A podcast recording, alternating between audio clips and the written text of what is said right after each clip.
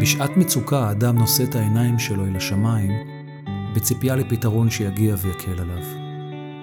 הוא מצפה לפתרון שיפקח את העיניים שלו, שיבהיר לו את הדרך, ויכוון אותו בחזרה אל דרך בטוחה ומוכרת, שאיתה ודרכה הוא יוכל להיות בהרגשה שהוא אה, חוזר אל המסלול, וכך אותה מצוקה תאבד את האחיזה בגרון שלו, ותחזיר אליו את כוח החיים והתקווה,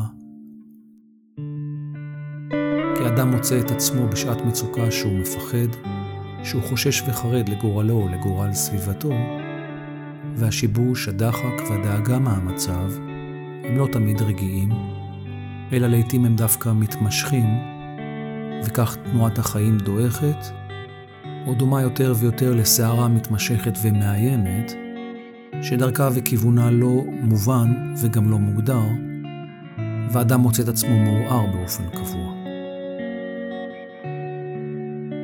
תחושת הערעור מציפה את הפחד, והוא גדול ומשמעותי, הוא גורם לשיבוש דעתו, לשיבוש מחשבתו ורגשותיו.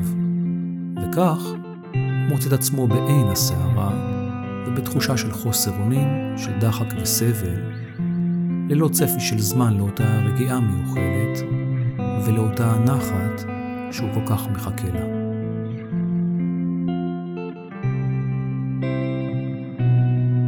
אני רן בן אלי, וזהו הפרק ה-94 של הפודקאסט, שיעסוק בנושא התנהגות בשעת מצוקה.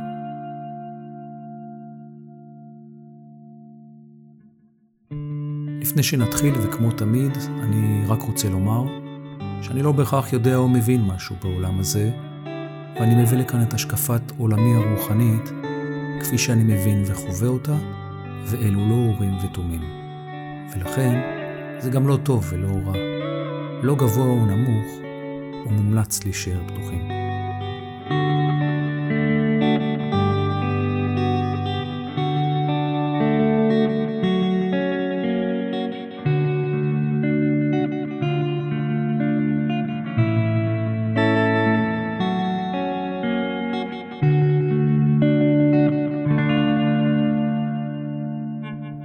בזמנים הללו שאנחנו נמצאים בהם, מסע החיים בעולם הוא אינטנסיבי במקרים רבים, כי קיימת תחושה שהכל זז ממש במהירות מסחררת, והתנודתיות רק מעלה ומורידה אירועים במהירות, כך שאירוע של אתמול, שהסעיר את התודעה ואת הלב, נשכח כבר למחרת, ואת מקום האירוע הקודם תופס כעת אירוע חדש, שבתורו נלחם על תשומת הלב, במרחב התודעתי, והוא יעשה זאת בדרך כלל על ידי הפחדה ודאגה.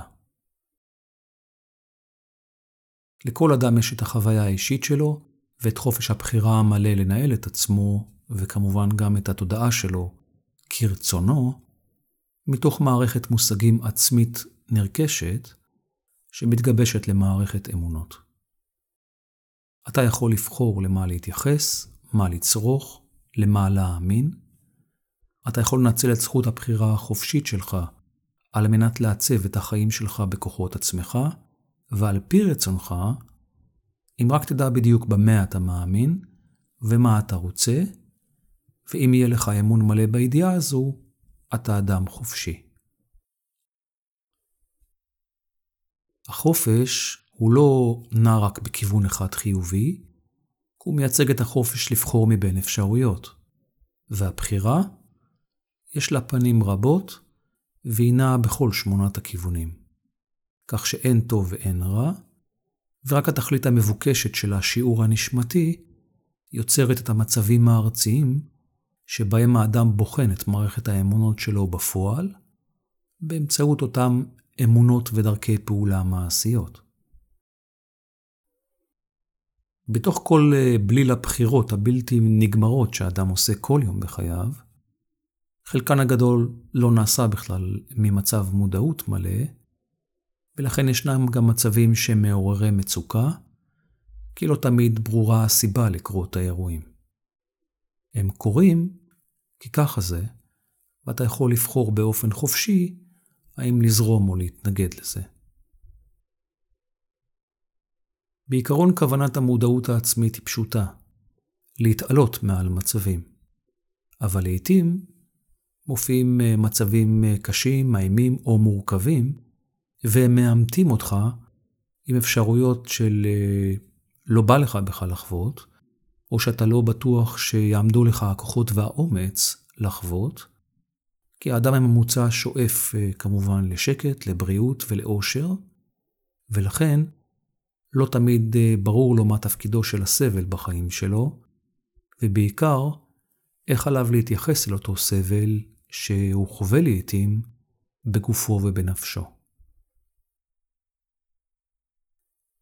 כאשר שואלים בני אדם מהי מצוקה, הם בדרך כלל יצביעו על אירועים חיצוניים לא נוחים שקרו להם, דברים לא צפויים, קשים או כואבים שקרו להם או שהם פוחדים שיקרו להם, והם לכאורה נתקעו באותה נקודת זמן וזיכרון של כאב, ולכן שחזור האירוע בתוכם כנקודת פחד, מפעיל שוב ושוב את אה, נקודת הכאב, ומכאן המצוקה.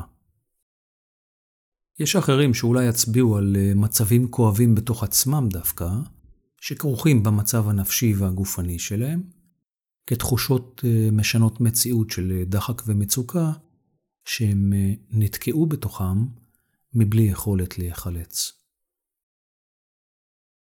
יש אחרים שחווים מצוקה ללא סיבה נראית לעין, או אירוע גלוי, ורק ההרגשה שלהם משדרת אותות מצוקה קבועים, למרות שהשמש זורחת, השמיים כחולים, והציפורים מצייצות כהרגלן.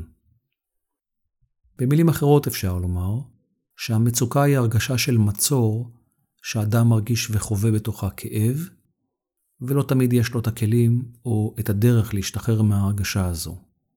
ולכן הוא נמצא במצב שבו הוא צריך להחליט האם להמתין או לפעול. יש רבים שמוצאים כנראה שקשה לתת עצה למישהו להמתין אה, בתוך מצב מצוקה, ודווקא הפעלתנות השכלית תעשה הכל על מנת להשיא עצות של אה, איך להשתחרר ממצב מצוקה. התודעה האנושית נלהבת לספרי מתכונים ולפתרונות קסם, ובגלל ההתלהבות הגדולה לפתרון מהיר, אפשר למצוא ריבוי של הצעות לכל מצוקה קיימת, כאילו שזה איזשהו שיבוש רגעי או תקלה. כמו שנדלקה לך מנורה ברכב, ואתה נוסע למוסך על מנת לתקן. בדרך כלל המרדף אחרי התקלה יוריד תקלה נוספת, בגלל הצורך לדחוק ולפתור בעיה מציקה על ידי פתרון חיצוני, בו בזמן שברמת המודעות המתעלה נדרש לברר למה בכלל יש לך מצוקה ועל מה היא בדיוק באה להתריע, וזה תהליך שדורש לעתים זמן, שהות והתבוננות, שזו ההזדמנות שלך להעמיק את הידיעות שלך לגבי עצמך ולגבי ההיכרות שלך עם עצמיותך החווה.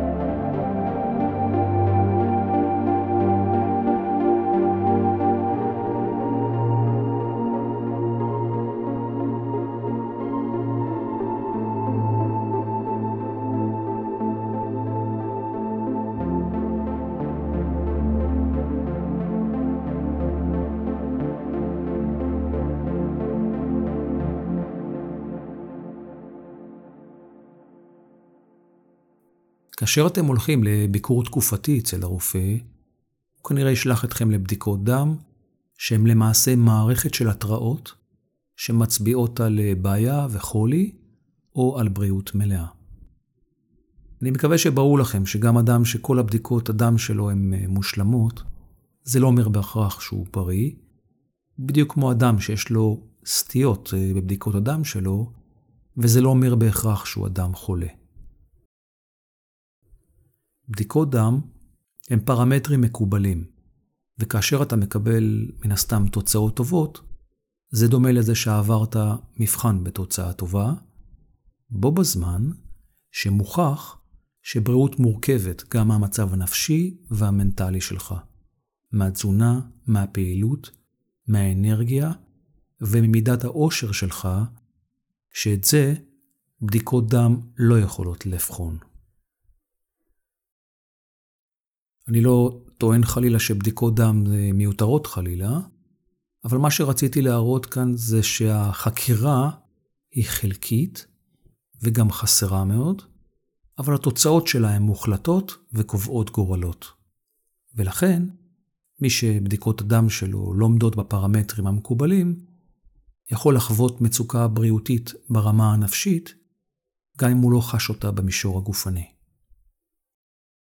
עצם העובדה שאתה לא בריא במרכאות, זה מחייב אותך לעשות פעולות ואולי לקחת תרופות בכדי לפתור איזושהי בעיה, למרות שההבחנה לא פעם חלקית וחסרה. ולכן היא גם דורשת אה, בדיקות נוספות וחקירה נוספת מרופא לרופא וממומחה למומחה, עד אשר תהיה הבחנה ודאית, ויש הרבה פעמים שזה בכלל לא קורה, גם אחרי תהליך כזה, כי הבעיה מוסתרת, וללא התייחסות לממד הנפשי אין ריפוי. אותו דבר אפשר לומר מבחינה נפשית. אחרי ה-7 לאוקטובר יש עלייה דרסטית בלחצים, בחרדות ובמצבי המצוקה שלא בכך נובעים ממקור פנימי מובהק, אלא מעצם המצב המדיני. ולכן, ההזדהות עם המצב באופן מלא והרצון לפתור את המצוקה הלאומית כעת ובמכה אחת, לא מאפשרת הגעה של אה, פתרונות נוספים שאולי הם יוכלו להיות אפשרות נוחה וטובה יותר. ולכן, עם הרצון לפתור את הכל במכה אחת, יש גם עלייה דרסטית במתן אה, מרשמים לתרופות פסיכיאטריות. שוב, אני לא נגד שום דבר כמובן, אני רק מציין שגם אם אדם עובר אירוע מטלטל ונמצא במצוקה, אז אין ספק שהוא זקוק להקלה מיידית ואולי גם לתרופה, אבל המטרה שלה היא לתת לו שהות להתבונן בבעיה ולא להסתיר את הבעיה, כדי שמתישהו תדלק מנורה אדומה במקום אחר. בשביל להסביר את זה יותר טוב, וגם בכדי שאני יובן, אני אומר לכם שהרפואה הסינית במקור מסתכלת על האדם כמו גן פורח ולא כמו מכונה. למה אני אומר במקור? כי זרמים עיקריים בתוך הרפואה הסינית גם היום כן מסתכלים על האדם כמו מכונה, וכך גם זו הפכה עם הזמן להיות uh, חוברת מתכונים. אם יש לך בעיה, תעשה כך וכך, בלי בהכרח להתעמק בלמה בכלל יש בעיה או מצוקה, ובלי לחקור. נחזור למקור. עצם ההסתכלות על גוף האדם כגן פורח מציב את אה, נושא האיזון האולטימטיבי כהגדרה שהיא שאיפה שלא תמיד ניתנת לביצוע מלא, כי האדם עומד בפני שינוי מתמיד של תהליכי בנייה והרס בחיים שלו, ולכן בריאותו של הגן הפורח תלויה גם בעונה, במשקעים, בדשן, בסביבה, או בגוף האדם, בזמן, בגיל, בפעולות, באנרגיה, בזרימה, בתזונה, בסביבה, בתודעה, במצב הנפשי, הרגשי, המנטלי והרוחני, שכל אלה מקיימים את ההרמוניה של הגן, וזה ברור שבחלקים מסוימים של הגן של כל אחד מאיתנו, יש איזה עץ שמעט התייבש, ופה יש פרח שנבל, וכאן יש שיח שלא קיבל מספיק מים, לא מספיק שמש ואהבה, אבל עדיין הגן הפורח חותר כל הזמן לאיזון של עודף וחוסר, והצמחים מזינים אחד את השני, ויחד הם מקיימים את ההרמוניה של הגן, שזו למעשה הבריאות. במילים אחרות אפשר לומר שתמיד יהיו לך בעיות ותופעות. השאלה היא רק איפה הם יהיו, מתי ואיך הם יתבטאו. אמרתי את זה כבר מלא פעמים פה בפודקאסט, האדם לומד רק דרך כאב או דרך מנורה מהבהבת. ואם לא ידלקו לו מנורות מעת לעת, לא יהיה לו מה לאזן, ואז הוא יהיה שאנן, והוא לא ילך לפינה הנידחת בגן שלו ויטפל בשיח שהוא הזניח, והוא גם לא ישים לב שאותו שיח לא קיבל את התנאים שהוא זקוק להם על מנת לפרוח. השיחים והצמחים והעצים והחיות שבגן אמורים לחיות בתוך איזון אקולוגי ובהרמוניה הוליסטית שמזינה את עצמה. ואת זה אי אפשר לחוות ללא שיבוש, כי העולם נע במחזוריות, והאדם הוא כמו תמונת ראי של העולם, ולכן כל שיא יורד לשפל, וכל שפל עולה לשיא.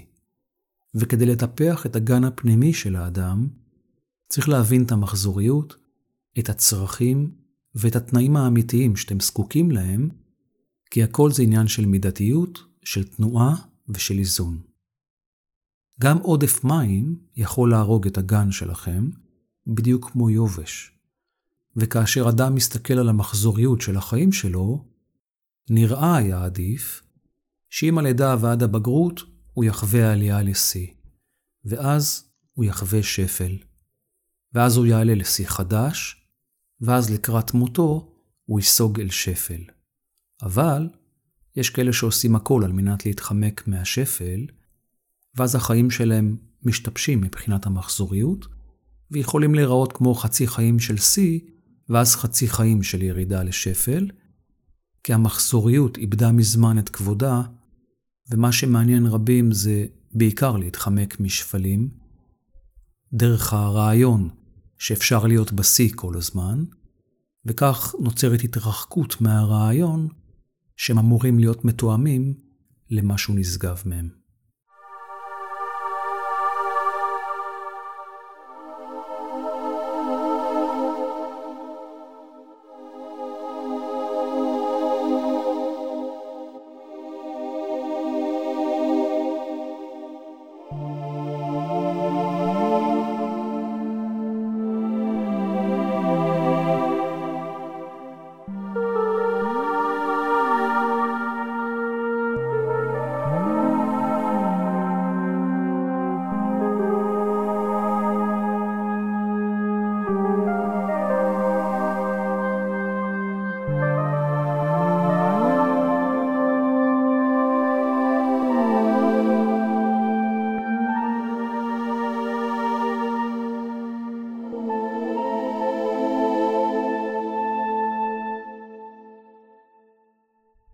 אדם שחווה מצוקה בעצמו, צריך לבחון את מצב הגן או הגינה הפנימית שלו.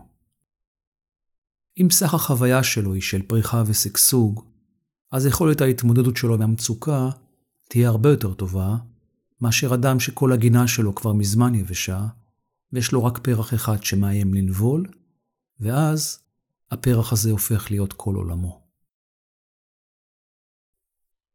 לעתים אה, מצוקה מאיימת להטביע את האדם ביגון, או בכאב, או בפחד מוות, והיא מאיימת למוטט את כל המבנה הפנימי, ולהביא לכאורה לסיום, למרות שאולי ויש תחומים נוספים בחיים שלו, שהם פעילים ומאוזנים, ויש לו גם עשייה ועניין רב בתוכם. ולמרות זאת, עדיין הוא יכול להסתכל בעין צרה על אותו תחום מציק, ומעורר כאב, שכנראה מאיים לכאורה למוטט אותו, או מאיים להחריב את כל הגינה שהוא בנה בעמל רב. דמיינו שיש לכם גינה והשקעתם בשיח עגבניות נהדר, שכעת אה, תפסה בו מחלה והוא נובל, ומבחינתכם המסקנה היחידה היא שאין טעם לעסוק יותר בגינון ולגדל ירקות, וזה ברור שיש פה משהו שנתון לשיבוש הדעת. אתם אולי כועסים, ואולי לא מרוצים מהתוצאה, ואולי נתונים אל הדרמה, הפחד והחרדה, ורק בגלל אותו שיבוש דעת, אפשר לומר שבמצב אה, של מצוקה, עדיף לקחת לרגע את הזמן, להירגע ולהתבונן במצוקה מעט מרחוק, ודווקא לא לעשות שום פעולה בשלב ראשון, ולא כי אין פעולה לעשות, אלא בגלל שיבוש הדעת, שיבוש הרגש והתודעה שיצאה מאיזון. כי כך, ואם תעשה פעולה מהירה, ללא חקירה והבנת הסיטואציה, יש סיכוי לא קטן שדווקא בנקיית הפעולה תבוא אחריה החרטה. כל התכלית של לקיחת המרחק ולקיחת הזמן היא בסך הכל כדי לאפשר האטה. לאפשר לתודעה לחזור לאיזונה, להרגיע את הרגש, להתחבר חזרה אל שיקול דעת ולצאת מהדרמה הנקודתית. לנסות ולהבין מה הכוונה של המצוקה, מה היא באה לומר לי, מה הכיוון שלה. או במילים אחרות, פשוט לבצע קודם חקירה ולא פעולה. פעולה צריכה להגיע אחרי חקירה ולא לפניה. כי כיבוי המנורה האדומה המתריעה, לפני שהבנתם מה הבעיה, יוליד הדלקה של מנורה אדומה אחרת, ואז תחוו מצב שאצלנו קוראים לו לרדוף אחרי סימפטומים, שבו כל מצב משובש מדליק מצב משובש אחר, או כמו האמרה, צרות באות בצרורות, וזה נכון למי שלא מבצע קודם חקירה, אלא יוצא לפעולה לפני שהוא מבין מה הוא רוצה להשיג, והוא עושה זאת רק בשביל לכבות השרפה הנוכחית שמטרידה אותו. דיברתי פה המון בפודקאסט הזה על אה, שלטונו של השכל, ואצל רבים זה שלטונו הבלעדי, וזה בדיוק מה שמוביל לצורות פתרון כאלו של מצוקות. אני לא רוצה לחזור על זה כמובן, כי דשתי בזה מספיק, אבל רק אומר שהשכל אחראי גם על הצד הפרקטי והמעשי, שמבוסס על ניסיון העבר שלך או של אחרים. ומכאן, מבול העצות שאפשר לקבל לפתרון של כל בעיה. בכל מקרה, כאשר יש מצוקה אמיתית, זה לא שהמצוקה דוחפת לפתרון, אלא פתרון דוחף דווקא השכל, והוא עושה את זה בשם הפעולה הפרקטית שרוצה לכבות את השרפה באופן מיידי. המצוקה זה כמו מנורה מהבהבת, וזהו, זו רק ההתראה שמבקשת חקירה עצמית על מנת לקבל את אה, תשומת הלב, ואולי לשנות התייחסות לנושא מסוים. אדם שנתון במצור, בכאב ובמצוקה, הוא מעורער כמובן, ואין לו יכולת למדוד את העוצמה, את הממדים, ולהבין גם את הכוונה של המצוקה עד הסוף. ולכן, עליו להמתין כדי שהרגשות יחזרו למקומם והוא יוכל, איך אומרים, לסדר את הראש ואת המחשבות, ורק אז לפעול באמצעות אותו שכל שיודע לפתור בעיות. אבל הרבה פעמים אותו שכל גם קופץ כמו תרנגול וזועק שהוא יודע מה הפתרון, עוד לפני שתכלית הבעיה נחקרה. בסופו של דבר, וכמו כל דבר, הכל תודעתי וכרוך בסדר נכון של זרימה בין תחושה, רגש ומחשבה. כאשר לחלק הרגשי יש משקל רב ומשמעותי בתהליך, והרבה פעמים דווקא השכל מנסה לעקוף אותו כדי להתגבר על הכאב שהוא גורם, וזה הרבה פעמים מסבך את המצב. הדרך לפתור בעיה היא על ידי תוכנית פעולה. התוכנית נולדת מתוך חקירה ומתוך הבנת התחושתי, הרגשי והתודעתי, ולאחר שהייתה אפשרות להכיל את המצוקה, להרגיע את הדחק ואת הפחד, וכעת המרחב פתוח אל המחשבה להציע פתרון פרקטי מתאים לבעיה. כאן לצדדים ההגיוניים שכליים יש תפקיד חשוב מאוד, כי כל תוכנית צריכה להיות לפני הכל ברת קיימא, הגיונית, ומותאמת ליכולות האמיתיות של האדם, ואת היכולות האמיתיות שלך, אתה יכול לדעת רק אם תכיר ותדע את העוצמות והחוזקות שלך, אבל גם את המגבלות והחולשות של עצמך, ולכל אדם יש כאלה. כדי לבנות תוכנית, צריך להציב יעד בעתיד, וזו בעיה בפני עצמה, כי לאנשים קשה להציב יעד עצמי שלא תלוי בדברים חומריים או באנשים אחרים. אפשר לומר שרבים אולי לא יודעים באמת מה הם רוצים או מה הם מבקשים לעצמם, שהוא לא סוג של מוצר מסוג כלשהו, או כרוך באדם אחר, או בסוג של עבודה, ואתן לכם דוגמה. דוגמה ראשונה קלה. אתם אה, במצוקה כי יש אה, סבב פיטורים במקום העבודה שלכם, ואתם מרגישים חוסרי אונים ובמצוקה לאור העובדה שזה עלול להיות אתם. מה אתם מבקשים בדיוק? שלא יפטרו אתכם? או לפתור את הפחד שיפטרו אתכם? הדוגמה השנייה קצת יותר מסובך. אתה ובת הזוג שלך לא מסתדרים לאחרונה, ואתה מוצא שאתה במצוקה ובחרדה מפרידה אפשרית, כי לטעמך, בת הזוג שלך היא כל עולמך. אבל, אם תעשה את כל מה שהיא מבקשת על פי דעתה, כדי לתקן את המצב ביניכם, זה רק יחמיר את המצב ביניכם, כי אתה חושב ומרגיש אחרת. ולכן, אם תעשה את מה שהיא רוצה ומבקשת, אתה תתרחק מעצמך, ואז אתה תריב איתה, כדי למצוא סיבה להתרחק ממנה ולחזור לעצמך. כשזה יקרה, אתם שוב תחקרו את הפרידה. מה אתה מבקש לפתור במצוקה? שהיא לא תעזוב אותך? או שאתה לא תפחד מהתרחקות או מפרידה? או שתמצא את הדרך להיות נאמן למה שאתה מרגיש וחושב.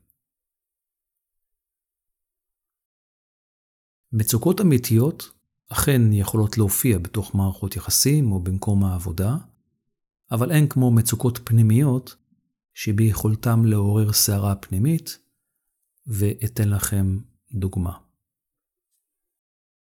אתה במצוקה אמיתית וחווה התקפי חרדה על בסיס קבוע. זה מחליש, מערער ומרוקן אותך לחלוטין, כך שבכל ישיבה, פגישה, נסיעה או מפגש עם אחרים, שבו אתה צריך לדבר, אתה מרגיש שאתה רועד, מעורער, מבולבל ועומד להתעלף. ומבחינתך, זו סערה אמיתית של מצוקה.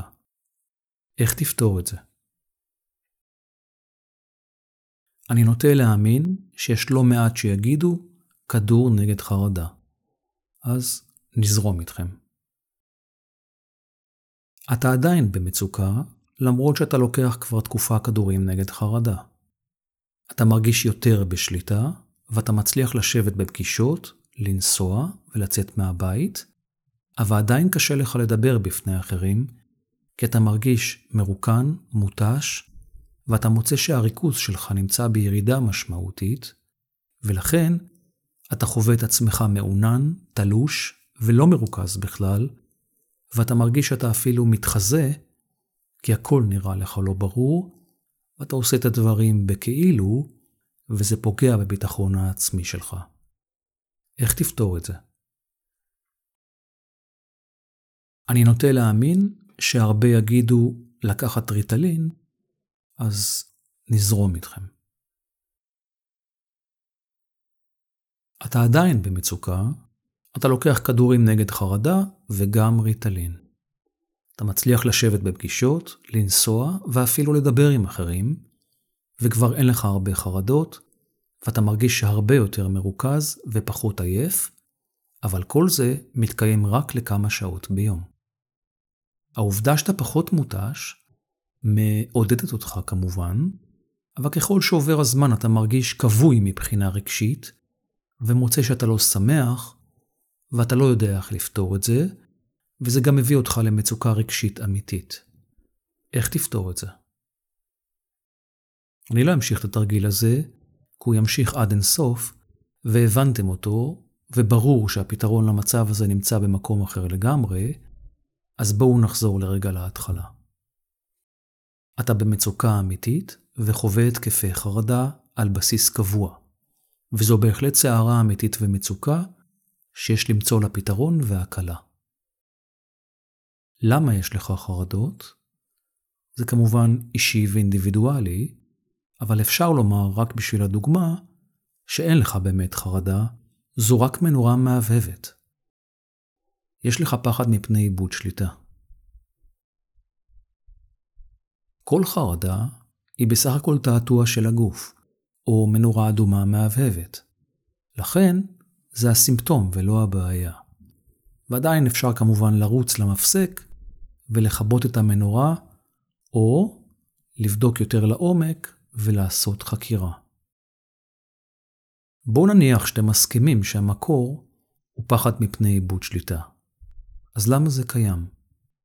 זה כבר דורש חקירה של האדם עם עצמו, ושאלות שהוא שואל את עצמו דרך המושגיות של החיים שלו ושל המבנה שלו, של מהי שליטה, איפה אני זקוק לה ולמה.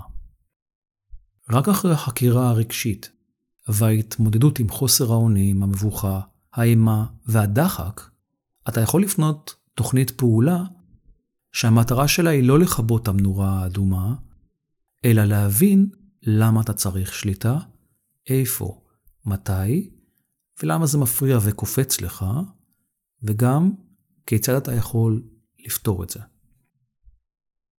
עבור זה צריך היכרות עצמית ותוכנית פעולה הגיונית שמוכנה להוריד את הווליום של השליטה שהיא תבנית שכלית. עכשיו תורי לשאול אתכם, למה שהשכל שלכם יסכים לוותר על הכלי המרכזי שדרכו הוא שולט בתודעה שלכם וגם מנהל אותה? המטרה המרכזית של השכל היא להיות הגורם הדומיננטי, הפרקטי והיחיד, ולכן הוא דוחף כל הזמן לפעולה מעשית. יש לך חרדות, הגעת לפגישה, לא נוח לך, כי אתה רועד ומזיע על הכיסא, והשכל מוצא תירוץ שאתה חייב לצאת באופן דחוף החוצה כי קרה משהו. אתה נוסע במונית בעיר, פתאום עולה לך חרדה ואתה מתחיל להזיע, ואתה יורד באמצע הדרך. וכולי וכולי. בסוף, וסליחה על התיאור, אתה הופך להיות עבד משועבד ובובת סמרטוטים של ה mind שלך. שאלה שנייה, אתה מסכים ומבקש לבנות תוכנית להוריד שליטה. איך תעשה את זה? אני מאמין שרוב האנשים יגידו שצריך להרפות, לנשום, לעכב פעולה, לשהות בהרגשה, מה שנכון, אבל אני מזכיר לכם שזה לא רק שליטה, אלא פחד מפני איבוד השליטה. וזה אומר שיש פה גם ממד רגשי כמובן של פחד, שנמצא מתחת למצב השליטה, שגם עליו יש לתת את הדעת ולהכיל אותו. פחד מפני איבוד שליטה יש לכל אדם בעולם הזה, תלוי מה המינון והעוצמה. זה כרוך כמובן במצב התודעה שלכם, במודעות, ובעצם השהות הלא נוחה של הנשמה בגוף חומר, ודיברתי על זה הרבה כבר, אז אני לא ארחיב. בנוסף, אתה לא יכול לוותר על משהו שאין לך אותו. ובמילים אחרות, אתה לא יכול לוותר על שליטה ולהוריד אותה אם טרם הגעת ואם מימשת חוויית שליטה מלאה בתוך עצמך.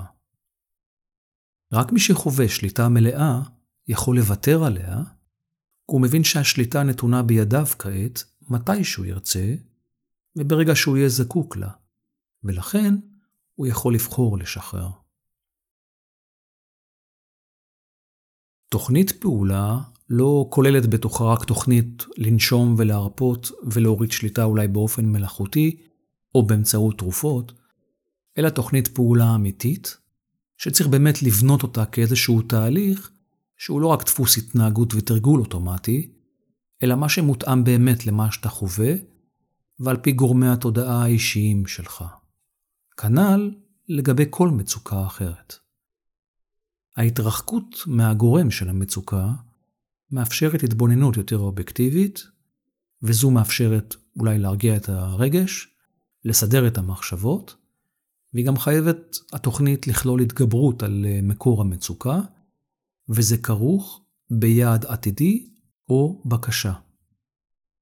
כמו, אני רוצה להוריד שליטה, או אני מבקש להגיע לידיעה של שליטה מלאה, על מנת שאוכל להרפות ממנה מתי שאבחר, ולהפוך אותה לכלי במינון נכון ובמקום מתאים. הדיכוי של השליטה באופן ישיר, או השלילה של השליטה כתכונה שלילית ולא רצויה, מבטלת למעשה את האפשרות לעבוד איתה בצורה נכונה ומתאימה, ושליטה זה כלי חשוב. במצב נכון ומותאם, אין יותר פחד ממנה או מהאובדנה לכאורה, וככה האדם יכול לצמצם את פחד הגוף, שהוא פחד מפני איבוד שליטה.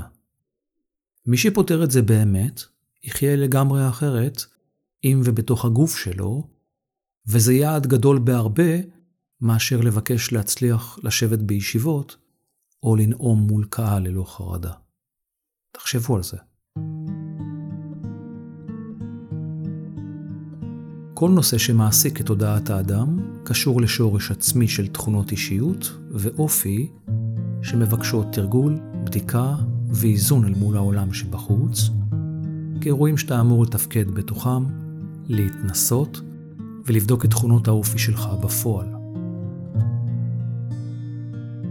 דיברנו כאן על דוגמה של שליטה, אבל המצוקה כמובן יכולה להופיע בכל מיני סוגים של הפרעות ודילמות פנימיות, כך שאם חלילה המצוקה הופיעה כי איבדת עם מישהו קרוב, אז המצוקה בוחנת את הצער שלכם ואת האובדן שלכם. אם אדם חולה חלילה במחלה קשה, אפשרות הסיום של חייו יוצרת מצוקה, שמא הוא לא הספיק לחוות את כל מה שהוא ביקש בחייו, כשדווקא אלה שאוחזים בידיעה שהנשמה היא נצחית, מתמודדים לעתים עם מצוקות כאלה ביתר קלות, משמע, מה שהספקתי, הספקתי, ואולי גם תהיה הוקרת תודה על מה שכן התקיים.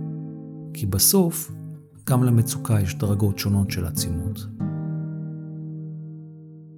7 באוקטובר סיפק פה מצוקות רבות, שחלקן אישיות מתוך היכרות אישית, וחלקן גלובליות ובלתי ניתנות לשינוי ברמת התודעה הנוכחית של האדם.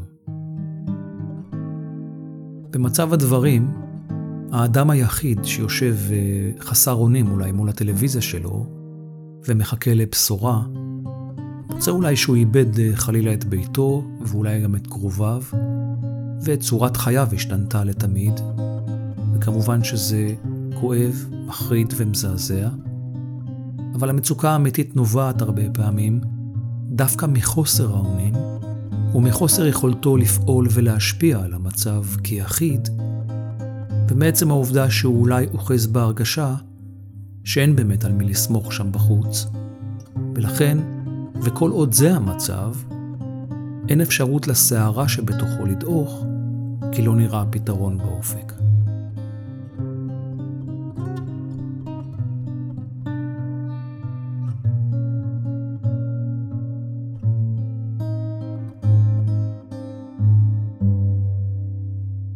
האדם היחיד הוא תודעה שמחוברת לתודעה האוניברסלית, ולכן כולנו מחוברים למקור אחד. כל שינוי תודעתי של אדם אחד יוצר השפעה על הכלל. אדם לא צריך להרוס את עצמו בניסיון לשנות מצב רק בגלל שהוא נמצא במצוקה ולמבקש להיפטר ממנה, הוא אמור ללמוד את עוצמתו, אבל גם את מגבלותיו, ולדעת ולהבין שכל הרוע, כל הסבל, כל מה שנהרס, קורה בגלל התנהגות של בני אדם, ולא בהכרח מאיזשהו אסון טבע בלתי צפוי. ולכן, הכל תודעתי.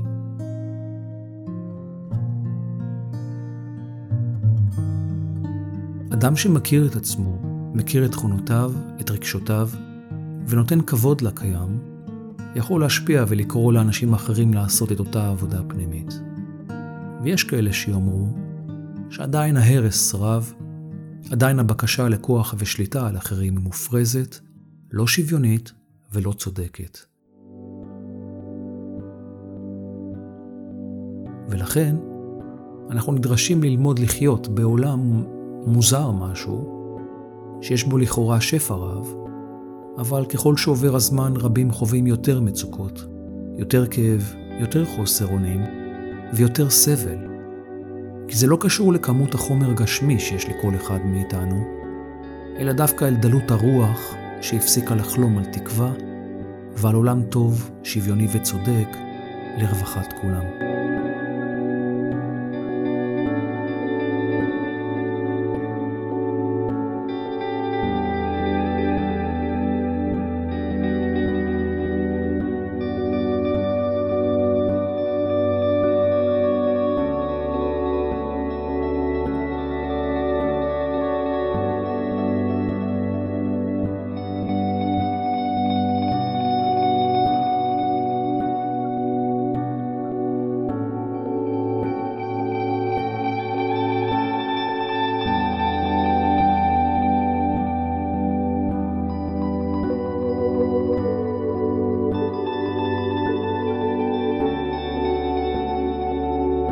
תודה רבה לכם על ההאזנה.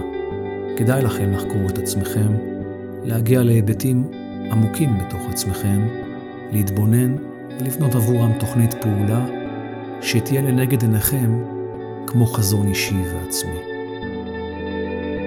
אתם מוזמנים בשמחה לשלוח שאלות לתחנת ירח, סיפורים, לשתף. אתם יכולים לפנות אליי בערוצים השונים של תחנת ירח, באתר האינטרנט moonstation.co.il, אפשר בפייסבוק או באינסטגרם או בוואטסאפ, ובערוץ היוטיוב, שדרכו אפשר גם להאזין לפודקאסט.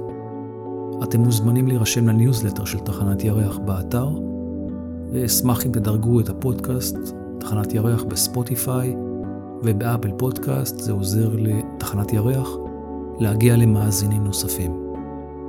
כמו תמיד, תודה לבן שלי עידו, על המוזיקה המקורית והנהדרת שלו. אני מאחל לכם ימי שקט, בריאות וביטחון, וניפגש בפרק הבא.